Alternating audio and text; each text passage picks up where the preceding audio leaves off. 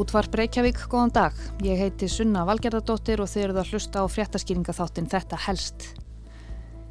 Í þætti dagsins ætlum við að líta aðeins aftur til Kína með Katrínu Ásmundsdóttur. Leiðir ríkja heims til þess að auka við völd sín og umsvið veru margar og fjölbreytilegar. Ein leið er að auka við yfirráðasvæði sitt, færa út kvíarnar. En það getur verið erfitt og dýrt, það getur kostað stríð, alþjóða átök, mannfall og eðileggingu. Sum ríki hafa því leitað nýra og frumlegri leiða eins og Kína sem hefur undan farin átta ári eða svo bara búið til landsvæði þar sem eru engin. Reist hverja manngerða flóteina í söður Kínahafi á eftir annari. Bætt um það byl 13 ferrkilometrum við yfiráðarsvæði sett á síðustu árum og fáum nágrunum sínum til mikils ama. En hvers vegna? Hver er tilgangur þessara eiga? Undir hvað eru þær nýttar og hvaða áhrif hafa þær í alþjóðlegu samhengi. Nú í júni spurði Katrín Guðbjörgu Ríkeiu Tórótsen Högstóttur, doktorsnema í stjórnmálafræði út í kínversku gerfiðjarnar og við skulum heyra það samtal.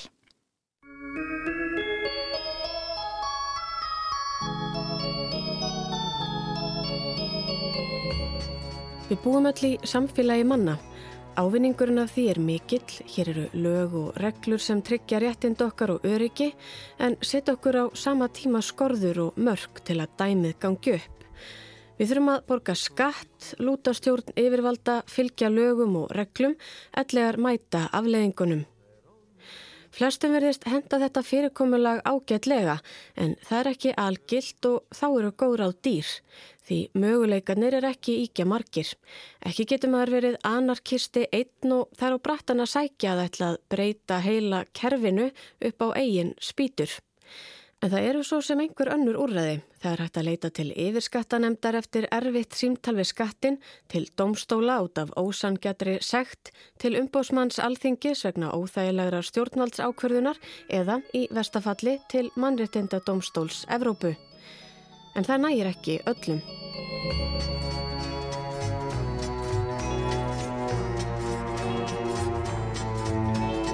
Ósáttur við yfirbóðara sína í heimalandinu á hvað ítalski verkfræðingurinn Giorgio Rosa að gera eitthvað í málunum, verða sér úti um sér frelsi, stopna sitt eigi ríki þar sem enginn geti sagt honum fyrir verkum. En hvernig fer maður að því þegar öll landsvæði jarðarinnar eru þegar í eigu einhvers, þegar undir stjórn einhvers? Jú, verkfræðingurinn og hugsunamaðurinn ákvaða byggja bara eigið landsvæði, gera sína eigin eigi út í sjó. Engin átti nú sjóin og það gerðan. Dopo dieci anni l'idea dell'ingegnere si è concretizzata. Fyrsta mæ 1968 stopnaði Giorgio Rosa líðveldið Rosa eiguna, sjálfstætt ríki með eigin stjórnarfar, eigin lögsögu, tungumál, skjaldamerki, gjaldmiðil og allt. Mér að segja eigin frímerki. Og já, auðvitað leðtoga, sjálfskeipaðan, forsetta, skapar hann sjálfan, Rosa. Il primo maggio del 1968 viene proclamata l'indipendenza dell'isola delle Rose. Mitt í Adriahavi eðum 12 kílometra frá ströndum Rimini, það er að segja rétt utan við landhelgi Ítalju, reisti Rosa 400 fermetra yfirbyggt feggja hæða Eiríkið, eða Pallin kannski réttar að sagt, á nýju stöplum í um 26 metra hæði við sjávarfletinum. Mikilfenglegt frelsist tákn, fjármagnað og hannað af skapara þess og framúrskarandi verkviti hans. Og þar var nógum að vera, þar var líf og fjör. Gestir og siglandi gáttu sótt verslanir, veitingastað, bar, næturklub, kíkt í minnjagreipaverslun á heimleið og sótt ímsa aðra þjónustu, til dæmis póstþjónustu á pósthúsi staðarins.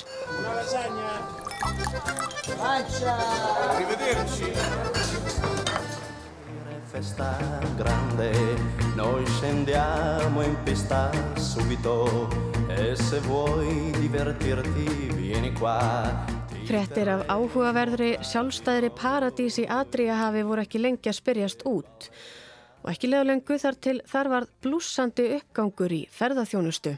Áhuga samir túristar, ekki síst ungt fólki leitað fjöri og frelsi á ófriðartímum, flyktust á eiguna.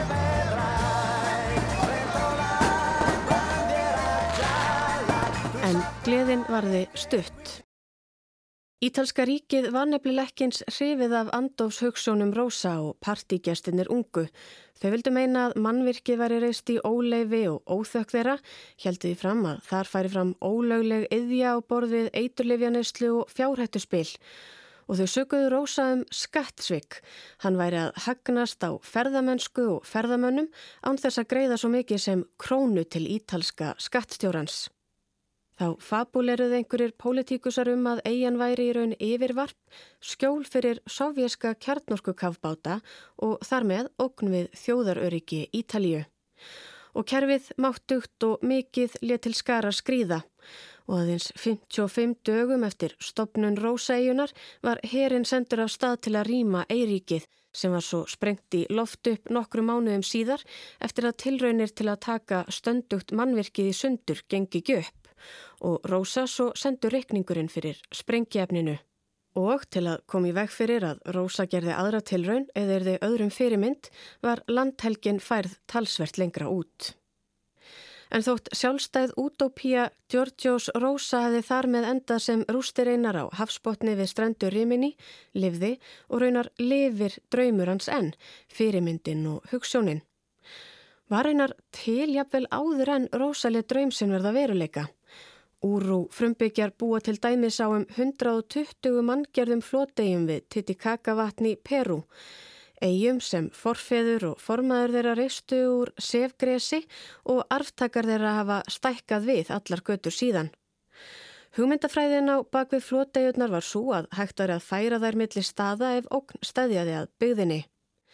Þá er greint frá því í lesbók Morgunblæsins árið 1932 að annar stórhuga maður, Edvard Armstrong nokkur, amerískur verkfræðingur og uppfinningamadur, hafi hyggju að reysa átta flótegjur á flugleiðinni þvert yfir Allandshaf.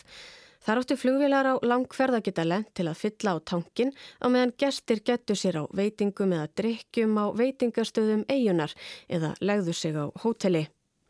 Hann hafði unnið að hugmyndinni frá 1913 og hafði aflað fjármaks til umfangsmikils verksins 1927.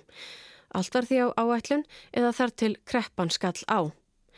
Þegar svo tími var komin til að halda verkinu áfram á tímum setni heimstrialdarinnar hafði tækninni fleikt svo mikið fram að ekki var lengur þörf á annars brilljant hugmynd Armstrongs. Nú voru til langdrægar þotur sem ekki þurfti að fylla af eldsneiti á miðri leið. En þótt hugmyndinans væri orðin úreld hvað flugtækni varðaði, var hún þó nýtt þegar ólíufélögin fór að hanna ólíuborpalla.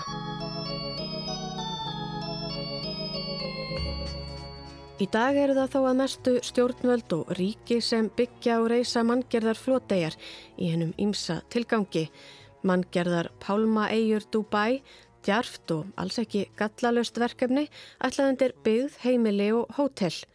Áætlaðar raforkuegjar Dana í Norðursjó, Mós flótvarnaregjar á Ítalju, virkiseigjur eins og Fort Boyard í Fraklandi, jafnvel eigjur við Kanada og Kína undir skemmtigarða og svo allar hinnar manngerðar eigjur kínverskra stjórnvalda um 13 ferkilometrar af eigjum í söður Kínahafi sem notar eru í margskunnar tilgangi þó fyrst og fremst hernarlegum en líkundir fyrirhugaða flúvelli fyrir farmflutninga og svo framvegis. En hvers vegna leggja kínversk stjórnvöld svo mikið fjármagn, vinnu og mannablæjað reysa slíkar manngerðar eigjar? Hverjar eru fyrirætlanir þeirra? Hver eru áhrifin á alþjóðasamskipti og milliríkja deilur. Ég spurði Guðbjörgu Ríkæju Tórótsen Haugstóttur doktorsnema í stjórnmálafræði út í það hvers vegna Kína byggir allar þessar manngerðu eigjar. Og ég kannski bara byrja að bladra á. Um Suður Kínhaf fyrir mesta skipa umferð í heimi Við erum auðvitað með ríki sem eru með mikinn útflutning eins og Japan, Kína, Tævan, Vietnam og fleiri sem reyða sig á skipaumferð um svæðið. Og, og svo fer þessi umferði gegnum Malakasund sem er afar þraungt. En hvað eigarnar varðar þá snúist þær raun og veru um auðvitað líka auðlindir og hernað. Á svæðinu í Suður Kínahafi eru miklar fiskilindir og ólíulindir Þannig að með því að tryggja yfirraðan yfir svæðinu hefur líka aðgengi að þessum auðlindum og svæðið er hernaðlega mikilvægt, ekki bara fyrir Kína heldur önnur ríki og það eru mörg ríki sem gera tilkall til hluta af Suður Kínahafi út frá alþjóðalögum, eh, til að mynda Vietnám og Philips er. En það sem kínvastjórnvöld hafa verið að gera er að taka eigjar sem aðra þjóður gera tilkall til og byggja þar aðstöðu fyrir hersinn og svo búa til þessar gerfi eigur eða búa til nýja eigur sem þær koma svo herstöðum á. Þannig að þar eru í raun og veru notaðar uh, undir hernað. Uh, þetta hefur auðvitað aukið spenn á sæðinu til muna og skýtur svolítið skökku við að kínvíski kommunistaflokkurinn segist alltaf að tala fyrir samtali en í raun fara svo harkalega gegn vilja nágranna ríkja sinna. Og raukinn fyrir þessu er í fyrsta lagi að, að svæðið sé hluti af umröðasvæði Kína og Kína hafi sögulega rétt til þess að uh, nýta þessar eigur sem að búa til nýjar og svo í öðru lægi segir kynvúr stjórnvöld að þetta sé gert til þess að vega móti aukinni hernaðalegri viðveru bandaríkina en bandaríkin hafa á síðastlegum áratuga svo aukið uh, hernaðalega viðveru sín á svæðinu til að mynda á Filipsegjum sem á sigla skipinum sínum á þau svæði sem Kína gerir tilkætt til. Eins og ljóstaðar kannski ekki, eh, ekki neinn einn ástæða fyrir þessu heldur er þetta markþætt Það er að segja að tryggja útflutning, tryggja aðgengja auðlundum og að auka hernaðlega getu sína.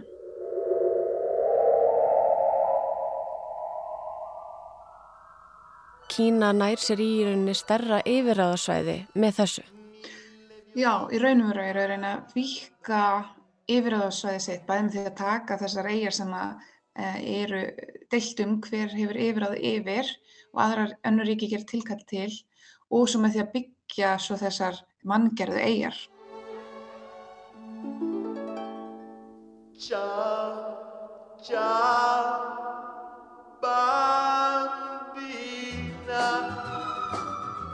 Veistu eitthvað um nokkuð hvernig kannski svona alþjóðarsamfélagið lítur á þetta, má þetta bara, má bara ríki búa sér til meira landsvæði þar sem það vill? Eh, mér skilst út frá alþjóðalögum að innan þinnar landhelgi máttu búa til eigjar. En það sem eru þetta að gerast það hér er að, að það eru þetta deilt um hvort að Kína eigi þetta yfir höfuð og fáir sem viðkjanna að Kína ráði yfir þessu svæði og að búa til þessar eigjar er því að fara gegn e, allavega sátt á svæðinu. Um, þannig að þú máttur einhvern veginn kannski ekki gera eigjar á, á yfiræðisvæði annara ríkja sem er það sem að önnur ríkir að segja að Kína sé að gera.